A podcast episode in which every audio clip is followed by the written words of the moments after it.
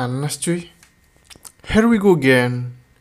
Welcome to the podcast di Lagi lagi. Ulangi lagi.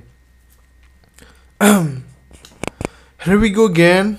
Lagi di Damn Pod episode 9 Oke sekarang cuacanya sekarang lagi kemarau. Tapi nggak masalah kok. Asal ada air kamar mandi Dan nggak kering aja sih Soalnya lumayan susah nih kalau lagi boker kalau udah kehabisan air cuy. Jadi bingung gitu cuy, jadi gelisah gitu kalau mau masa ke ini apa? Ke pom bensin kejauhan cuy.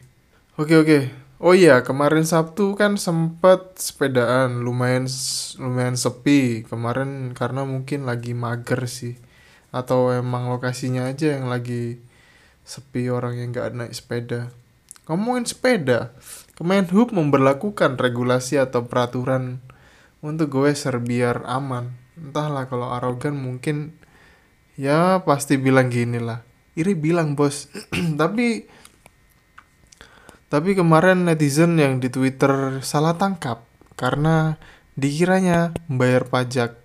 Ternyata yang disampaikan sama Kementerian Perhubungan atau Kemenhub ternyata tidak menyampaikan demikian. Ya, kalau misal nih, kalau misal sepeda ada pajaknya kayak motor tiap tahun perpanjang. Ya, kemarin sih dengar-dengar dari teman sendiri sih.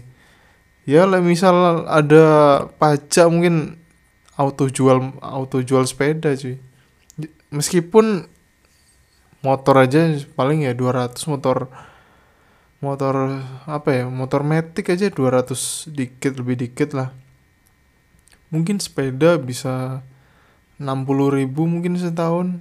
Kita kan nggak tahu juga. Tapi kan kalau emang ada misalkan ya misalkan ada apa ada pajaknya ya pasti regulasi pabriknya juga berubah jadi karena pasti ada seri rangka terus dan segala macamnya sih ya itu yang bikin rame di Twitter sih kemarin.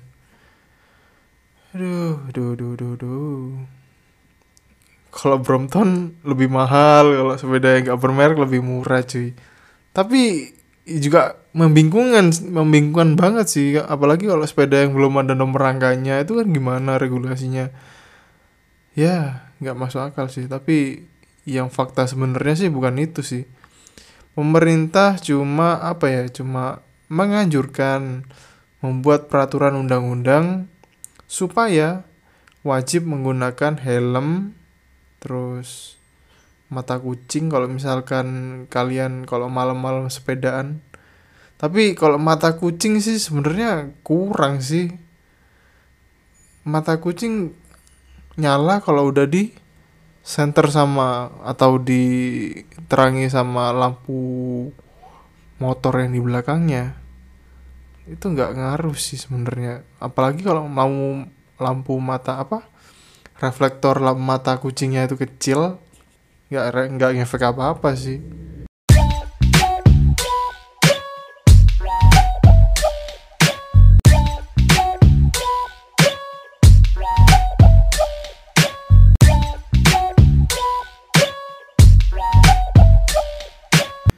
yang paling jelas sebenarnya yang paling aman helm lampu. Lampu yang nyala ya. Lampu sepeda lah. Terus bel. Yaitu yang paling memungkinkan sih. Kalau spion kayaknya udah gak mungkin sepeda pakai spion kan lucu cuy. Ya itu sih yang jadi pertimbangan sebenarnya. Yang biasanya kalau disorot lampu nyala itu biasanya mata kucing mata kucing atau reflektor ya. Kayaknya reflektor sih lebih tepatnya. Soalnya semenjak corona banyak orang yang booming pakai sepeda. Udah dibahas sih di episode sebelumnya sebenarnya. Kalau kalian belum dengar silahkan kalian dengar kan episode sebelumnya. Mungkin kalau anak-anak sekarang mana tahu sepeda torpedo. Kalau dimunduri pedalnya atau ngerim sih. Kalian tahu nggak sepeda torpedo itu yang kalau di apa misalkan kalian pancal ke depan terus tiba-tiba kalian mendadak ada orang di depan dan remnya tuh blong kalian bisa mancal mundur. Itu auto ngerem sih kayak sepeda yang dipakai eh dipakai tukang pasar di desa-desa atau eh, petani sih biasanya pakai sepeda torpedo itu. Sekarang udah jarang cuy nggak tahu kalau di pedesaannya mungkin masih ada sih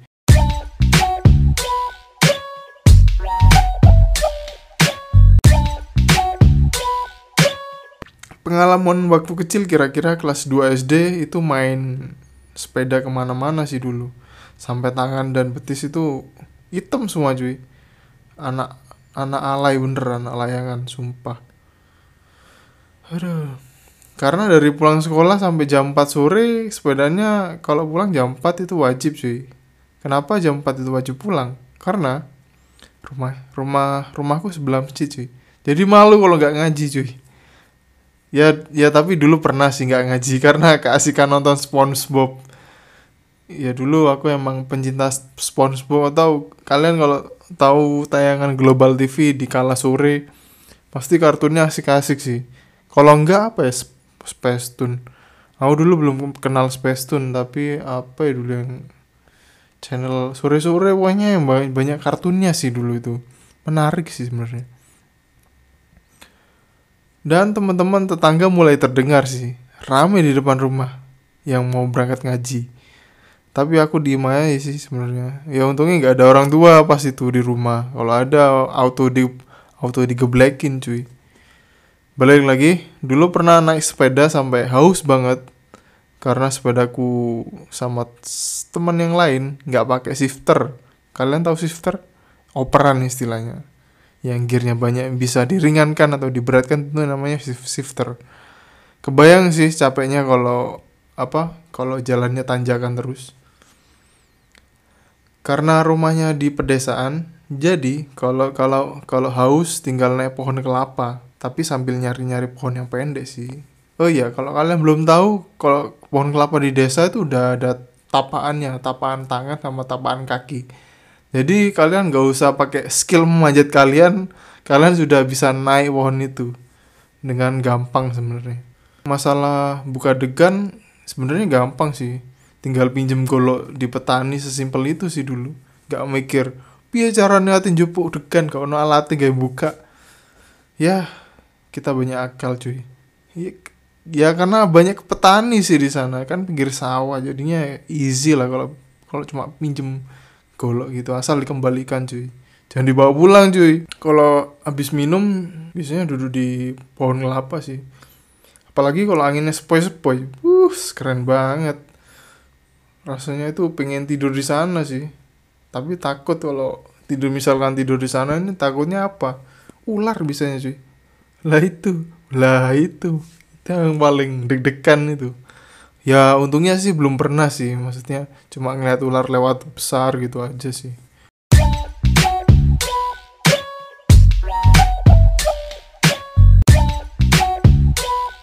Eh, dulu pernah naik sepeda sama teman-teman ya teman-teman anak-anak perumahan gitu.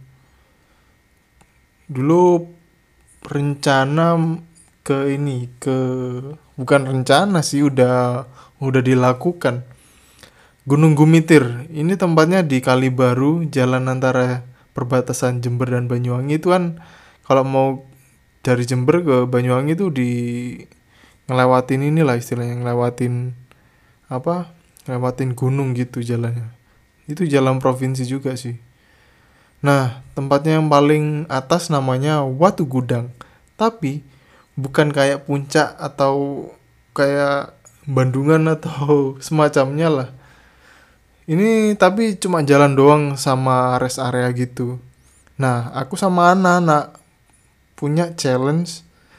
Kalau bisa naik ke sana berarti keren cuy. Berarti anak kali baru yang paling keren pokoknya. Soalnya itu tinggi banget. Kalau kalian tahu itu tinggi sumpah. Sumpah tinggi banget. Jalannya juga berliku-liku dan musuhnya itu bis dan salah satu yang mendukung adalah rasa penasaran naik ke atas pakai sepeda. Plus nggak pakai shifter. Dulu masih zamannya BMX sih. Ya kali BMX pakai shifter lucu bro bro. Ya kebayang sih rasanya ngeden-ngeden pas di jalan. Aduh namanya anak kecil cuy cuy. Penasaran. Tapi sebelum naik harus sebelum apa ya? Sebelum naik itu kita mempersiapkan terutama spool rim atau uh, spool rim itu tahu nggak? Yang biasanya di ban itu kan?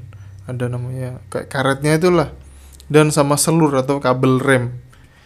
Kabel rem ini yang sering bermasalah sih biasanya. Jadinya kita sebelum hari H kita menyiapkan segala macamnya. Karena di dekat perumahan ada bengkel sepeda jadinya kita ya kita mempersiapkan sebelumnya sih.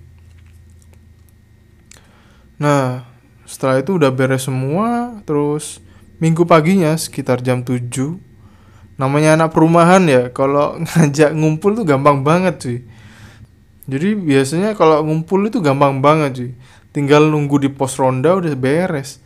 Jam 7 datang semua. Kalau enggak kita panggil ke depan rumahnya aja. Tapi yang kendalanya kalau udah di depan rumah kita memberi izinnya kita mau ke mana paling jawabannya nggak ada cuma jalan-jalan deket aja. Nah untungnya pada konsisten semua sih tapi menurutku yang paling seru adalah ketika turunnya sih.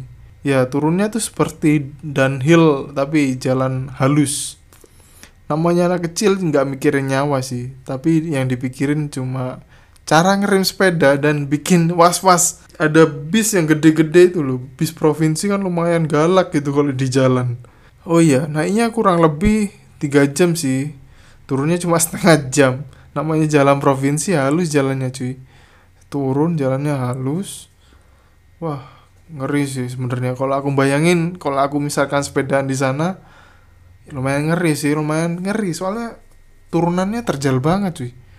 Dan yang nggak kuat itu sama lika-likunya itu. Kalau kita nggak bisa ngira-ngira di depan ada apa wah itu bakal jadi perkara sih sebenarnya jadi masalah sebenarnya. It make the trouble. Nah akhirnya untungnya selamat sampai selamat semua sih pas itu. Sampai bawah dan ada kendala lagi sih sebenarnya.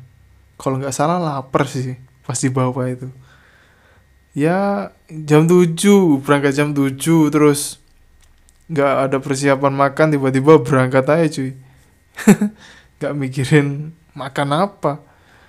Pokoknya seru gitu aja akhirnya cepet-cepet pulang ke rumah sih.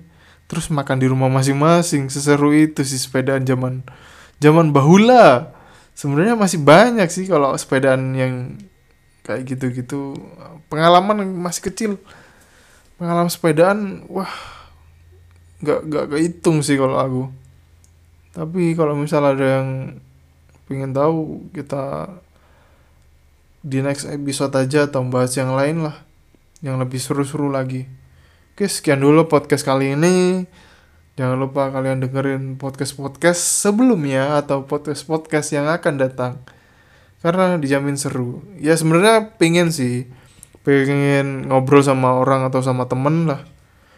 Biar kita bisa sekalian tukar pikiran sebenarnya sih. Kalau kalau single gini ya kayak storytelling aja agak lucu sebenarnya tapi ya gimana aku ngelihat podcastnya Panji juga ya storytelling gini tapi mungkin aku mencari ke depannya mencari topik-topik yang lebih menarik sih harus itu cuy.